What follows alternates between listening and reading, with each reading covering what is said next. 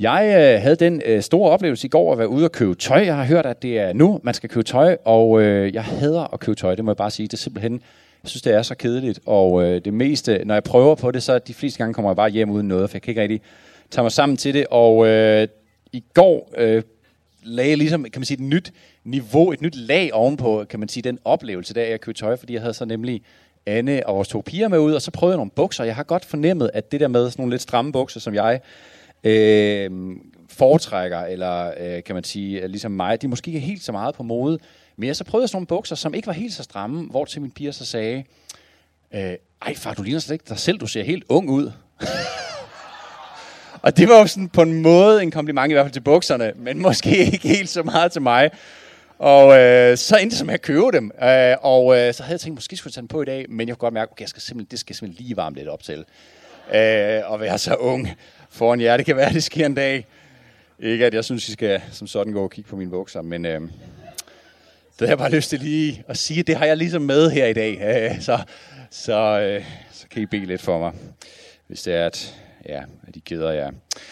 Øh, I dag skal det ikke som sådan handle om bukser, det skal faktisk handle om noget helt andet. Det skal handle om at bygge et alter for Gud i vores liv.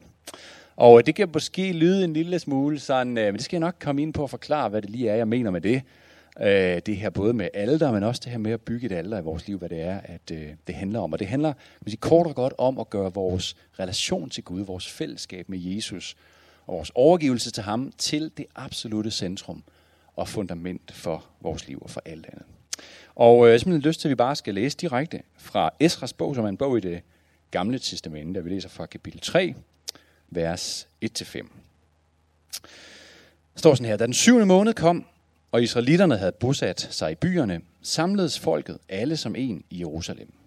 Og Jeshua, Josadaks søn og hans brødre, præsterne og Zerubabel, Shealtiels søn, og hans brødre tog fat på at bygge Israels Guds alter for at bringe brandoffer på det, som foreskrevet i gudsmanden Moses' lov. De rejste alderet på det gamle fundament, og skønt de var grebet af redsel for folkene fra andre lande. Så bragte de brandoffer til Herren på alderet, brandoffer om morgenen og om aftenen. Det er teksten til i dag, og øh, den her historie, eller den her tekst her, den udspiller sig efter, at Israel har været i eksil, i fangenskab i Babylon i omkring øh, 50 år. Det her det er den første deling af de israelitter, som får lov til at tage tilbage. Og øhm, jøderne havde siden deres stamfar Abraham været udvalgt og kaldet til at være Guds folk. Det er der nok mange af jer, der har hørt om før, eller stødt på det her med, at Israel havde på en eller anden måde en særlig plads i Guds historie. De indgik den her pagt med Gud på Sinai's bjerg for at være et særligt folk. Et folk, som skulle afspejle Guds retfærdighed og Guds herredømme på jorden. Et folk, hvor igennem Gud vil velsigne alle jordens slægter, hele verden, og ultimativt genoprette alting. Det lovede Gud nemlig allerede til Abraham, som var stamfaren. Men øh, de lykkedes ikke så godt med det her, på trods af, at de faktisk havde de bedste forudsætninger for det. De havde Guds vejledning, Toran, det vi blandt andet kender som de 10 bud, om hvordan de skulle leve deres liv, om hvordan de skulle indrette deres samfund, om hvordan de skulle tage sig af hinanden. Gud velsignede dem også med et fantastisk land at bo i, et land, der flød med mælk og honning, med velstand og fred, og vigtigst af det alt sammen, så tog Gud selv bolig hos dem.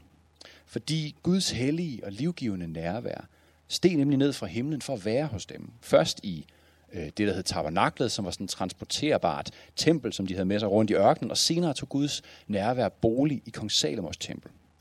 Men på trods af det, på trods af, at de har de her gode forudsætninger, så går der ikke særlig lang tid efter kong David og kong Salomos, før så begynder det at gå helt ned ad bakke. Israelitterne begynder at afvige fra det, der er godt, alt det, som Gud ønsker for dem, alle de drømme, Gud havde for dem, det går ned ad bakke. De tager sig ikke længere af hinanden, ikke af de faderløse, ikke af inkerne, som Gud ellers havde været meget specifik med. De tager også skikke til sig fra de omkringliggende folkeslag, øh, sådan nogle ret afskyelige ting, sådan noget for eksempel at ofre babyer øh, levende til afguder. Så det kører kort og godt helt af sporet for Guds folk. Ikke? Det folk, som ellers øh, var kaldet til at repræsentere Guds retfærdighed, altså hans rige, hvem han var på jorden.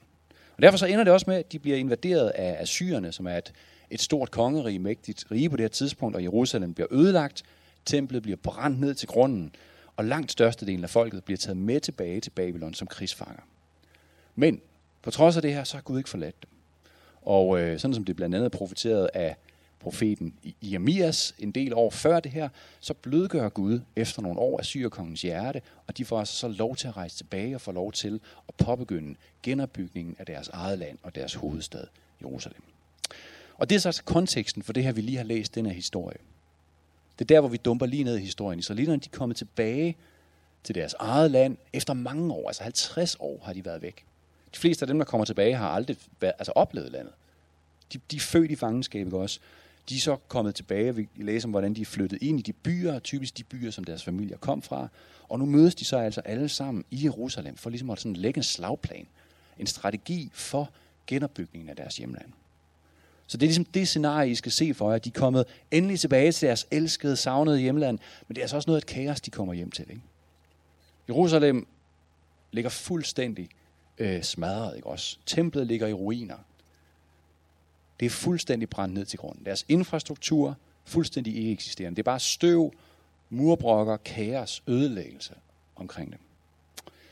Og så farligst, måske er det alt sammen, det er faktisk, at den bymur, som gik rundt om byen og som beskyttede dem, øh, den var fuldstændig ødelagt. På den tid så var det sådan, at langt de fleste større byer havde en bymur, sådan så man ikke var super sårbar over for øh, ørkenbander, røverbander og de andre folkeslag. Og den var fuldstændig ødelagt. Så lige der, midt i alt det her, der samles de for at lægge en strategi. Hvordan skal vi gribe det her? Altså, hvor skal vi starte? Hvad skal vi begynde med? Og den her tekst, den talte meget direkte til mig her i løbet af januar. Jeg faldt øh, over den øh, lidt ved en tilfældighed, eller nogen, der havde postet noget på Instagram eller et eller andet sted. Og øh, det var lige et par dage efter nytår, og øh, så, så, så ramte den mig simpelthen, fordi jeg kan virkelig se mig selv i denne historie. Fordi lidt ligesom israelitterne står her, så står vi her i januar ved begyndelsen af et nytår. Vi skal beslutte, hvordan er det, vi vil gribe det hele an. Hvordan skal vi prioritere? Hvad er det, vi gerne vil med det her år? Hvad er det, vi gerne vil bygge op? De fleste af os står nok forhåbentlig i en lidt bedre situation end israelitterne, ikke? Også vores liv ligger ikke fuldstændig i ruiner. Øh, men på en eller anden måde, så tror jeg alligevel mange af os har haft en opfattelse af, at sidste år, 2022, måske ikke har været det nemmeste år. Og så kan man sige, hvis, så er det jo dejligt at kunne lægge det bag sig, ikke? Også at kigge fremad, og præcis ligesom for israelitterne, så kan jeg mærke, sådan som jeg er gået ind i det her år i løbet af januar her, hvordan der var tusind ting, som jeg kunne tage fat på. Der er så mange ting, der kalder på mig. Man skal kun lige komme i gang, ikke? og så vælter mulighederne og presset ind over en. Altså, hvad vil vi i det her år? Hvor skal vi på ferie til sommer? Hvad er målsætningen for dit job eller dit studie? Hvilke eksamener skal du hen over? Uanset om det er bevidst eller ubevidst for os, så tror jeg, vi alle sammen står med nogle af de her spørgsmål. Ikke? Også, Hvad er det egentlig, jeg drømmer om at bygge op i løbet af det her år? Hvad er det, jeg gerne vil opnå i løbet af 2023? Hvad vil jeg gerne kunne kigge tilbage på næste nytår, og ligesom være sådan kommet i mål med? Er det en uddannelse, eller et parforhold? Er det en familie? Måske børn? Er det en bedre økonomi? Er det flere penge investeret i aktier? Er det en ny lejlighed? Der er så mange ting, som kalder på os. Ikke også? Så mange ting, der virker som vigtige, og som vi kunne dedikere os til at tage fat i som det allerførste. Men ved I hvad? Vi kan lære noget af israelitterne og den her historie. Fordi noget kommer før andet. Noget er simpelthen vigtigere end andet. Fordi der er kun én ting, som kan bære og være fundament for vores liv. Der er kun én ting, som ligesom kan være kernen af det alt sammen. Der er kun én ting, som kan fylde alt det andet med liv, og sætte det hele i det rigtige perspektiv. Og det er fællesskabet med Gud. Det er vores relation til ham. Det er alderet, det er mødestedet med ham. Og det er det, som det skal handle om i dag. Fordi det var det, som slog mig i den her historie. Det var den her ene ret simple sætning. De rejste alderet på dets gamle fundamenter, skønt de var grebet af redsel for folkene fra andre lande. Har du prøvet at være grebet af redsel? Det, jeg tror, det er sådan en rimelig øh, stærk følelse, vi taler om Jeg, jeg ved ikke engang, om jeg, om jeg selv kan sige, at jeg har prøvet det. Jeg har måske nok som barn eller et eller andet. Altså, det er ikke sådan en lettere bekymrethed, eller sådan, vel, man taler om. Når hvis man er grebet af redsel, så er det en af altså, ligesom den slags følelse, hvor man simpelthen bare har lyst til at tage benene på langen. Bare lyst til at komme væk. Ikke? Man har bare lyst til at gøre et eller andet. Måske forsvare sig, eller jeg ved, gå sådan fuldstændig i panik. Man har bare lyst til at reagere. Og jeg kan godt forstå, at de er grebet af redsel. Ikke? Også her står de en totalt smadret by, omgivet af ruiner og murbrokker. Og prøv at huske på, at det er jo ikke sådan en, det er jo ikke sådan en eliteenhed af soldater, der er sendt afsted, eller håndværkere eller sådan noget. Nej, ved hvad? Det er fuldstændig almindelige mennesker, som der er mig. Helt almindelige mennesker, familier, børn, gamle mennesker, de står der, der er bare ingenting på plads. Der er ingenting, der fungerer. Der er tusindvis af behov omkring dem.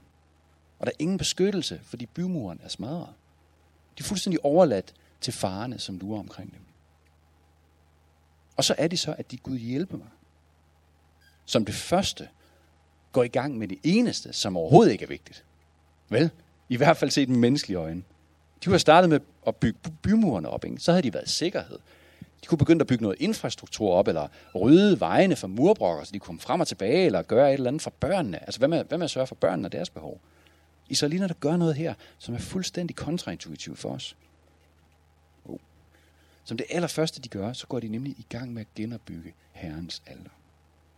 De rejste alderet på dets gamle fundamenter, skønt de var grebet af redsel for folkene fra andre lande. Og bare lige for at hjælpe dig til at se det her for dig, så når der står rejse alderet, så betyder det altså ikke at sådan rejse det op. det er ikke sådan, at det var væltet, og så, åh, lad os lige tage fat, Ups, så er det klaret. Vel? Nej, de kunne bruge det gamle fundament, det er det, der står, men det var noget, som skulle genopbygges, og det var ikke noget, som var klaret på 10 minutter. Det var en seriøs ting, det her ikke også. Det har formentlig taget lang tid. Mange kostbare timer for mange mennesker.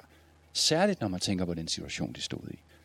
Så israelitterne, de prioriterer altså som det allerførste at bruge kostbar tid, kostbar energi på at bygge alderet op.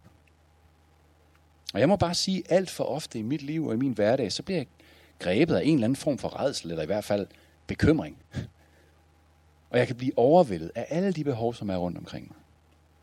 Det er jo ikke altså heldigvis en redsel for at blive slået ihjel, det er i hvert fald ikke så tit på den måde øh, oplever det. Men jeg kan godt genkende det her med, at der er så mange ting, der hiver i mig. Ikke? Så mange ting, jeg kan være bange for ikke at nå. Hvad nu, hvis jeg ikke når den der deadline? Eller hvad nu, hvis jeg ikke når at ringe tilbage til ham der? Eller Nå, hvad med ham der, den gamle ven, han har ringet to gange? Og hvad nu, hvis jeg ikke når at svare på den der besked inde på Aula? Hvad tænker de andre forældre sig? Hvad nu, hvis jeg ikke når at få læst nok op til den der eksamen? Altså, hvad nu hvis, ikke også? Der er så mange af sådan nogle hvad nu hvis redsler eller bekymringer, som truer og som hiver i os. Og der er så mange behov rundt om os. Jeg, jeg har fået sådan en dårlig vane, jeg mærke til her før jul, at ofte når jeg er på vej op øh, af vores trappe, øh, når jeg, de dage, hvor jeg arbejder hjemmefra, så har jeg afleveret pigerne nede i børnehaveskolen, og så, når jeg er på vej op ad trappen, så tjekker jeg lige min mail. Bare for sådan lige at være effektiv, eller jeg ved ikke, hvad det er, jeg er, jeg er ikke faldet endnu. Øh, eller min messenger, eller sådan noget, det ved jeg ikke, om I kender. Og når jeg gør det, så allerede inden jeg er kommet ind ad døren og har sat mig ned for at arbejde, så er mit hoved allerede fyldt af sådan tusind ting, jeg skal huske, og som jeg endelig ikke må glemme, og jeg skal huske at svare på det der, og jeg er allerede næsten sådan helt stresset, allerede inden jeg begynder at arbejde. Men det værste ved det hele er, det er, at alle de her bekymringer eller behov, eller ting, som hiver i os, og hiver i mig, det gør, at jeg ikke får prioriteret det, som er det allervigtigste, nemlig at bygge alderet. Og nu skal jeg nok forklare, hvad det her alder går ud på.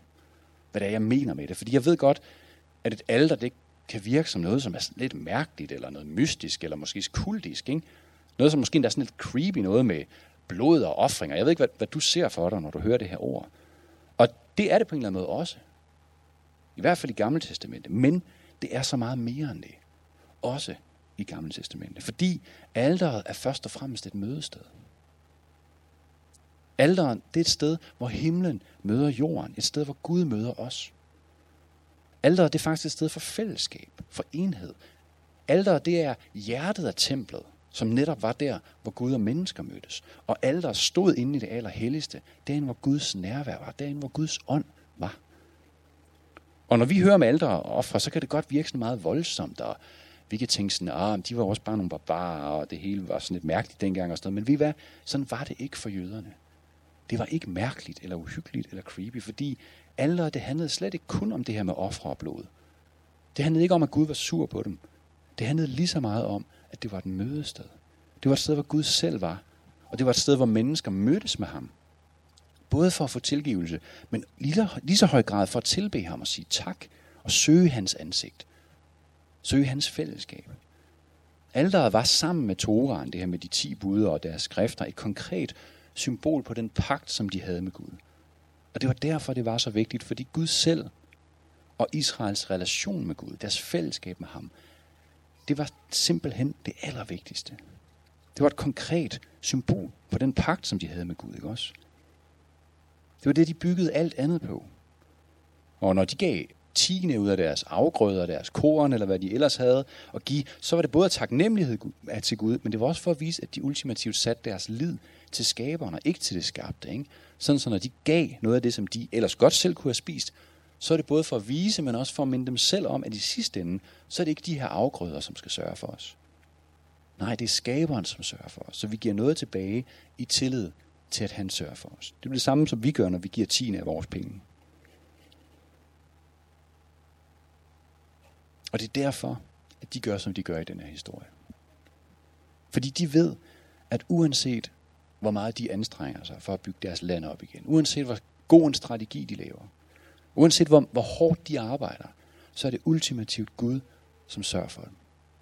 Det er ultimativt Gud, som sørger både for deres behov og for deres sikkerhed. Sørg for, at det hele bliver godt. Sørg for, at det bliver en succes.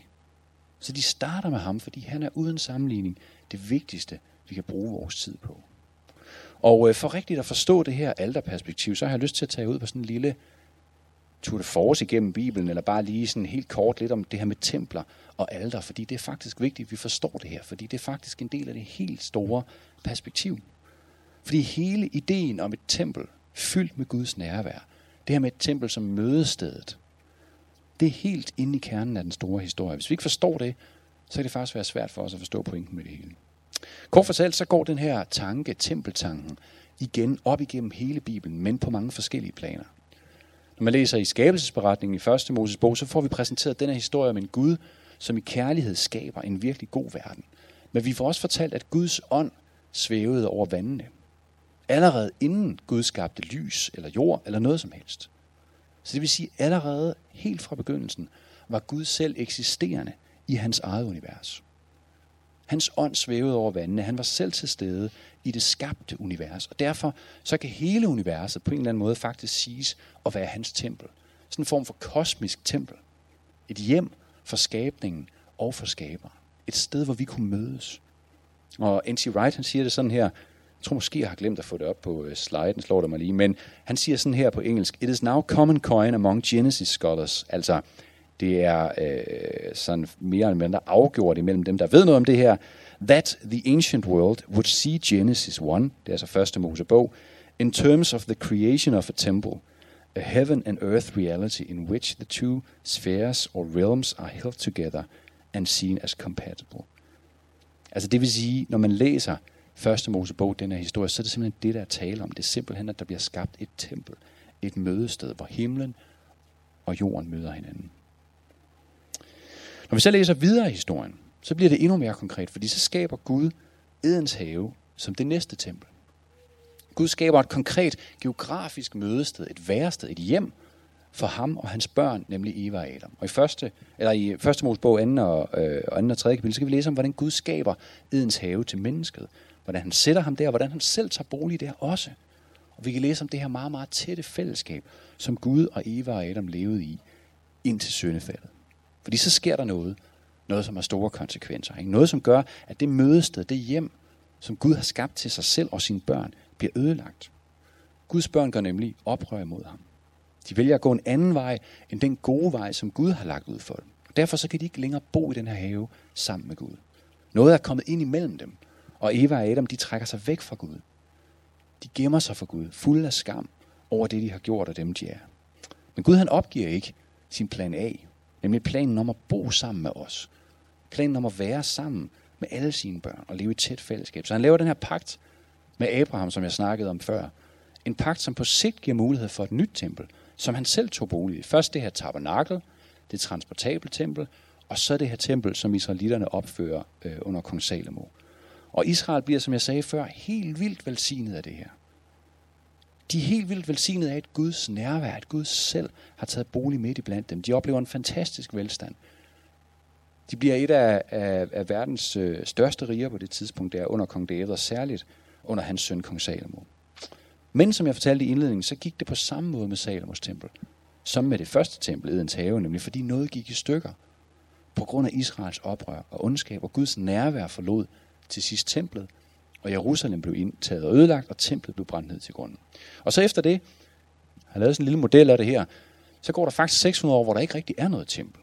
Hvor der ikke rigtig er noget mødested imellem Gud og mennesker. Men så sker der noget, som er fuldstændig uventet. Fordi det næste tempel, det er fuldstændig ulige noget tidligere. Det er nemlig ikke en have. eller en bygning. Det er en person. Det er Gud selv, som har taget fuldt ud bolig i et menneske i Jesus. Og han er det perfekte tempel. Han er det perfekte mødested imellem himmel og jord, imellem Gud og mennesker. Jesus var godt klar over det. Han omtaler sig selv som et tempel, blandt andet Johannes øh, 2.19, øh, mener det er, hvor han siger, riv dette tempel ned, og jeg vil genopføre det igen på tre dage. Det er ham selv, han snakker om.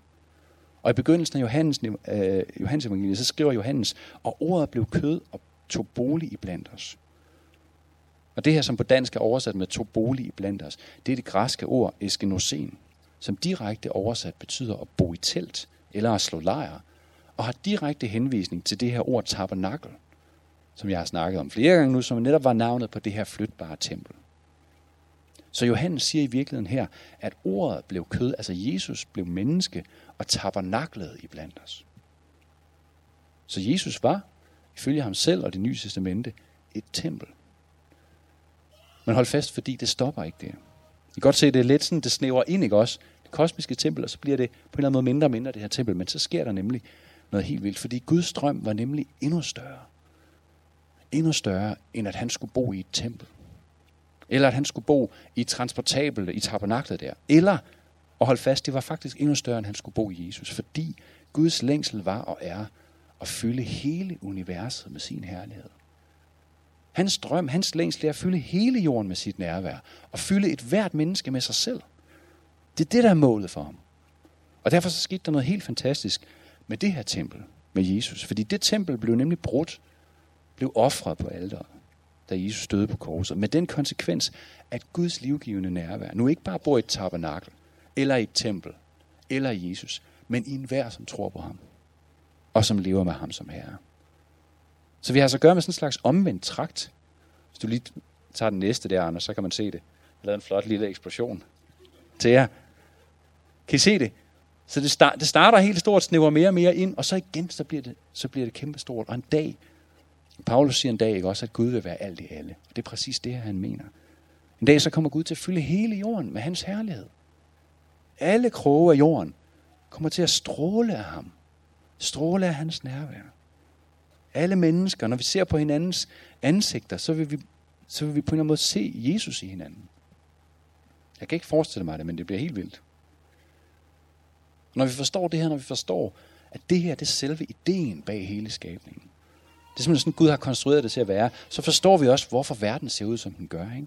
Fordi Guds nærvær er ikke centrum for verden i dag, vel? Guds livgivende nærvær er knap nok centrum for kirken. Og derfor så ser verden ud, som den gør. Den er flot, fordi der er noget, som mangler. Og det er ikke bare noget, som er nice, som er sådan en form for bonus. Vel? Nej, det er noget, som er så need to, som det overhovedet kan være. Det er noget, som burde være selve fundamentet. Noget, som er selve det bankende hjerte af skabningen, nemlig skaberen selv. Og vores fællesskab med ham. Fordi Gud længes efter at have sit hjem her hos os. Det er det, han har skabt alt det her for. Det er som et mødested. Et hjem for ham og et hjem for os. Og som jeg sagde før, så er alderet jo centrum. Alderet er jo kernen i et hvert tempel. Det er der, ilden brænder. Det er det, der er mødestedet, ikke også? Det er simpelthen templets bankende hjerte.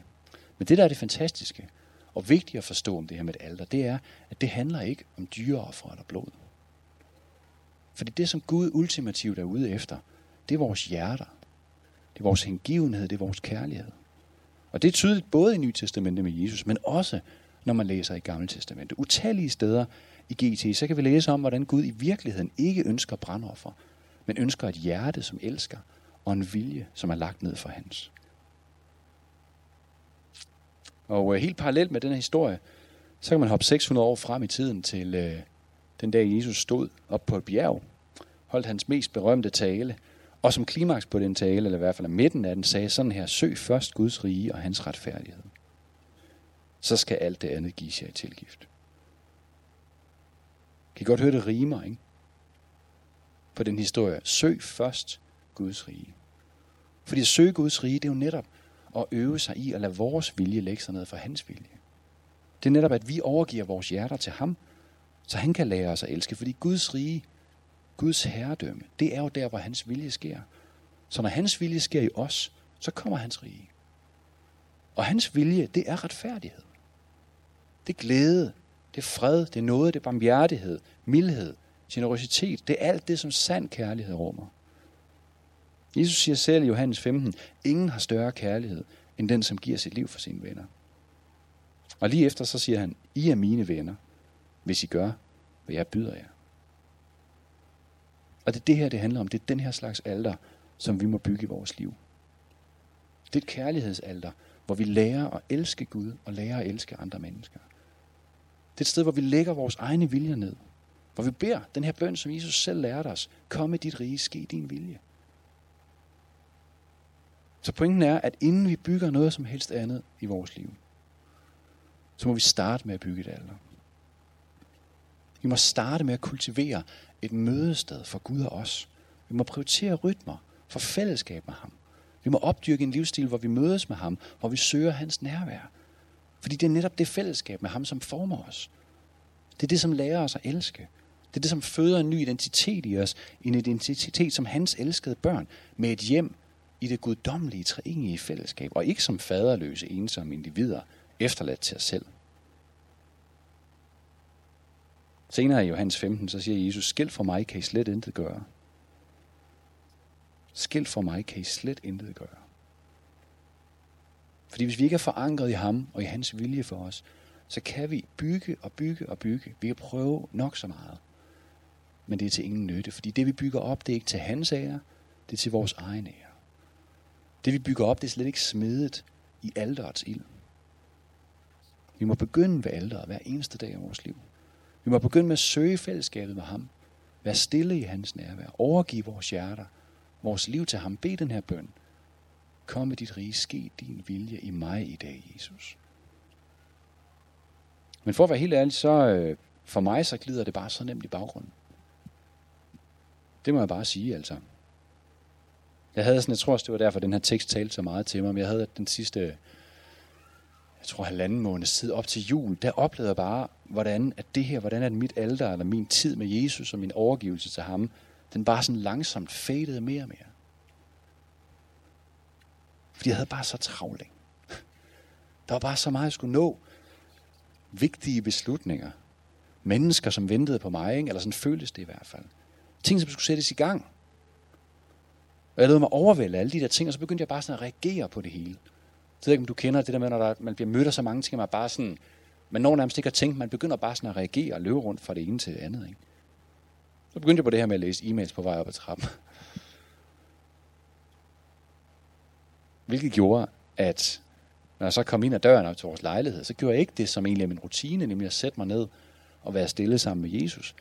Men så løb jeg hen til computeren og begyndte at sådan febrilsk at hakke e-mails afsted og sådan noget. Ikke?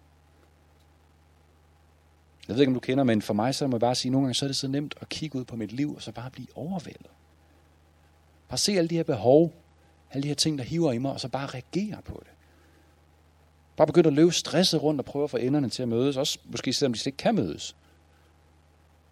Og jeg kender det alt for godt, som I kan høre. Hvordan er vores liv nogle gange kan minde om den her situation, som israelitterne fandt sig selv i.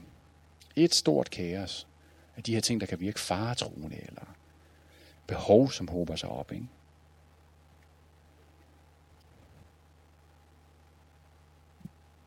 Det er vigtigt det her, ikke? fordi når vi ikke begynder ved alderet, så søger vi ikke Guds rige først. Vi må begynde i hans nærvær. Vi må begynde med at overgive os selv og alt vi er til ham. Vi må begynde med at søge hans vejledning. Hans vilje for vores prioriteringer og for vores valg. Men så, der sad og skrev det her, så, så havde jeg skrevet noget, som jeg egentlig slettede, men nu siger jeg det lige, jeg havde skrevet sådan, jeg næsten, nogle gange vil jeg næsten ønske, at, at, at man bare kunne ofre et dyr og så var det ligesom overstået. det kan næsten virke nemmere, ikke? Nej, fordi, men pointen er bare, at vi har ingenting at give. Det giver jo ikke nogen mening at ofre et dyr til himlen, og jorden skaber, vel? Vi har ingenting, vi kan give. Det eneste, vi kan give, og det er så også svært nok, det er vores hjerter. Det er vores viljer vi lægger vores viljer ned for Gud, og vi giver ham vores kærlighed. Det er det eneste, vi har at give. Men det er så svært. Så har jeg lyst til til sidst at bare lige gøre det sådan lidt konkret, øh, og dele lidt mere om, hvordan jeg øh, prøver at bygge et alter op i mit liv.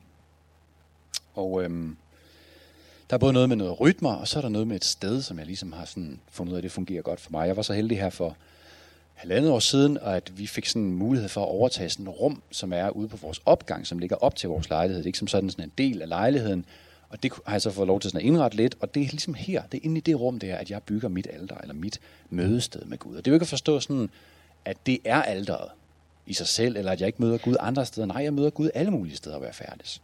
Jeg taler med ham alle steder. Men det her rum, og så side i vindueskarmen specifikt, det er det her sted, hvor jeg har vendet mig til. Der sætter jeg mig ned. Der søger jeg hans ansigt helt uforstyrret. Der har han mit uddelte fokus. Og jeg har taget et billede af det, bare for sådan at gøre det konkret. Øh, til at det er ikke noget fancy. I kan se, det var en dag i januar. det kan I se i regnen. Som sagt, så det her er ikke mit alder, vel? Nej, det er det her sted, jeg bygger mit alter.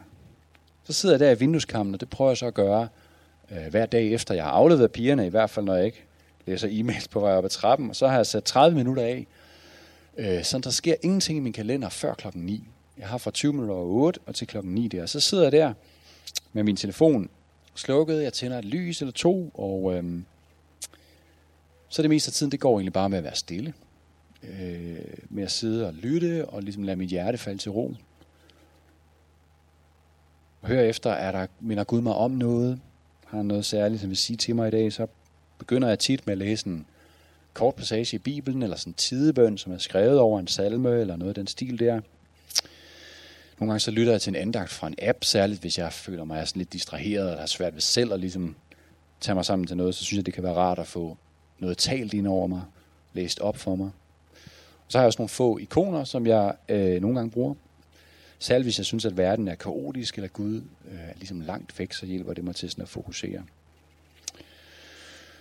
Og hvis I vil vide mere om det, så øh, må I meget gerne komme øh, og spørge mig. Der er ikke noget fancy i det, og der er masser af jer her i kirken, der har lignende rytmer eller ting, som I gør for det her.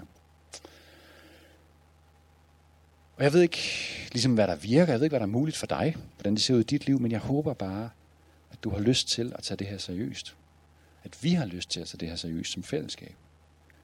Fordi uanset hvad du drømmer om at bygge op i løbet af næste år, eller hvad vi drømmer om at bygge op her som fællesskab, så er vi nødt til at starte med ham. Ikke? Uanset om vi drømmer om en karriere, eller en familie, eller studie, eller slå igennem med vores band, eller opbygge et eller andet her i kirken, eller gå ind i politik, eller noget helt syvende, så må vi prioritere at bygge et alter først. Et alter forstået som et mødested imellem dig og Jesus. Et sted og en rytme, hvor du mødes med ham.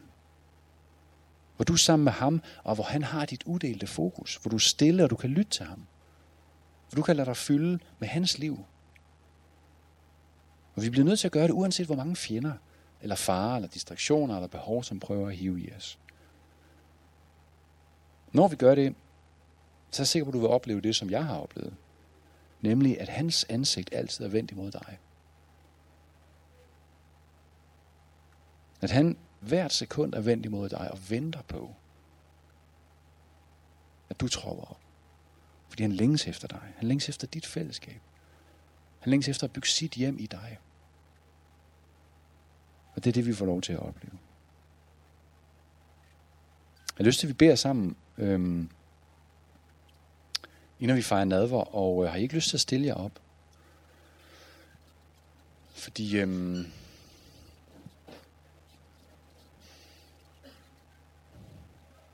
jeg ved, jeg ved ikke, hvor du er med det her. Måske tænker du bare, wow, det lyder vildt, eller det lyder mærkeligt, eller du kan sagtens genkende det. Men jeg tror, at nogle af jer måske, om ikke andet, kan genkendes den længsel efter det her et længsel, altså efter et mødested med Gud. Det er jo, det, vi, det er jo derfor, vi kommer til gudstjeneste. Det er jo fordi, vi oplever, at når vi, når vi er sammen på den her måde, når vi tilbærer Gud, når vi beder sammen, så møder Gud os der. Men vi ved, det er for lidt det om søndagen. Det er for lidt, det kun om søndagen. Ikke? Vi har brug for det hver eneste dag. Så hvis du har den her længsel, hvis du tænker, ej Gud, jeg vil gerne opleve et mødested med dig. Og som sagt, du ikke kan forstå på den måde, så er det det eneste sted, han møder os. Nej, det er bare det sted, hvor vi ligesom er fokuseret hvor vi bygger det her alter. Så hvis du har den længsel efter, det kunne blive en del af dit liv, så har jeg lyst, så simpelthen inviterer dig til at række en hånd op, og så beder jeg for, at Gud vil velsigne den proces. At han vil give dig mod og kraft, hjælpe dig med at tage de rigtige beslutninger til det. Så ræk en hånd op der, hvor du står, og så beder jeg bare en bøn herfra, øh, for alle jer, som længes efter det. Min egen hånd er også løftet, fordi det har jeg også brug for. Jesus, tak fordi, at, at udgangspunktet for alt det her, det er, at du først er vendt mod os. Det er, at du først kommer os i møde. At du kalder på os, at du drager os. Hvis ikke du gjorde det, så vil vi ikke være her i dag. Så vil vi overhovedet ikke så vil ingenting af det her give mening. Det er fordi, du kalder på os. Fordi du drager os. Fordi du er vendt mod os, Jesus. Og at vi hører din stille stemme, din visken nogle gange, som kalder på os. Vi har lyst til at respondere. Jesus, alle os, som står med en løftet hånd, vi har lyst til at respondere og sige, jamen Gud, ja, jeg ønsker, at du skal have hjemme i mig. Jeg ønsker, at mit liv er et mødested mellem dig og mig. Mellem dig, Gud, og mig som menneske. Og jeg ønsker, at det ikke bare skal være noget, som er sekundært, eller længere nede på listen, hvis jeg lige når til det, eller når jeg lige har tid, eller når jeg lige tænker på det. Jeg ønsker, at det skal være nummer et. Jeg ønsker, at det simpelthen skal være det første. At det skal være det, som alt andet i mit liv drejer sig rundt om. Så alle jer, for alle dem, som har løftet en hånd, jeg, jeg beder for dem, Jesus. Jeg beder for os. Du må give os kraft. Du må give os visdom. Du må hjælpe os til, at det her ikke bare er, kan man sige, sådan en følelsesmæssig ting, men at vi faktisk, øh, der faktisk kommer til at være handling bag Jesus. Det, det er tit det, vi har svært ved. Hjælp os med at prioritere.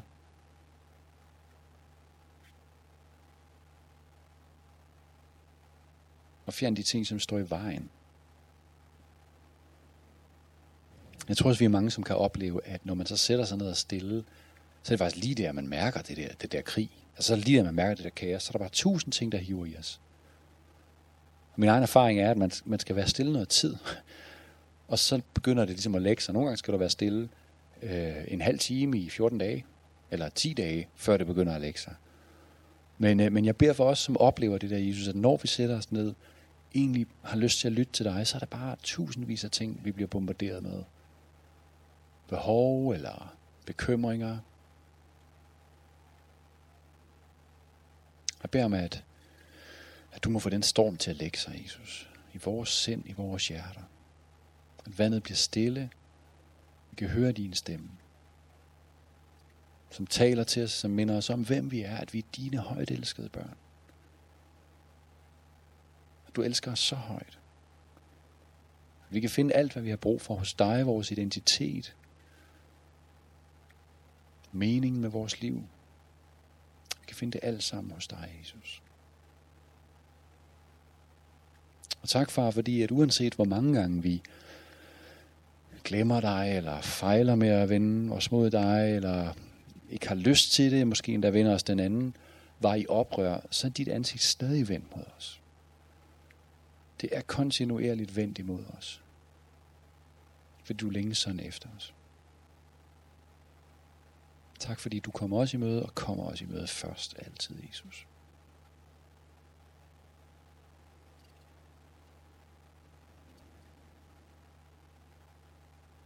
Jeg beder, kom Helion, kom og mød os her nu. Lad os få lov til at opleve, hvordan det her også er et mødested. Når vi er sammen her, så kommer du til os, du går i blandt os på din milde måde, Jesus. Du giver os et klap på skulderen, eller du en opmundring. Lad os få lov til at mærke, at vi er elskede. Jeg beder for enhver af os her, Jesus, at du må gøre det, som du vil gøre i os nu. Kom, Helligånd.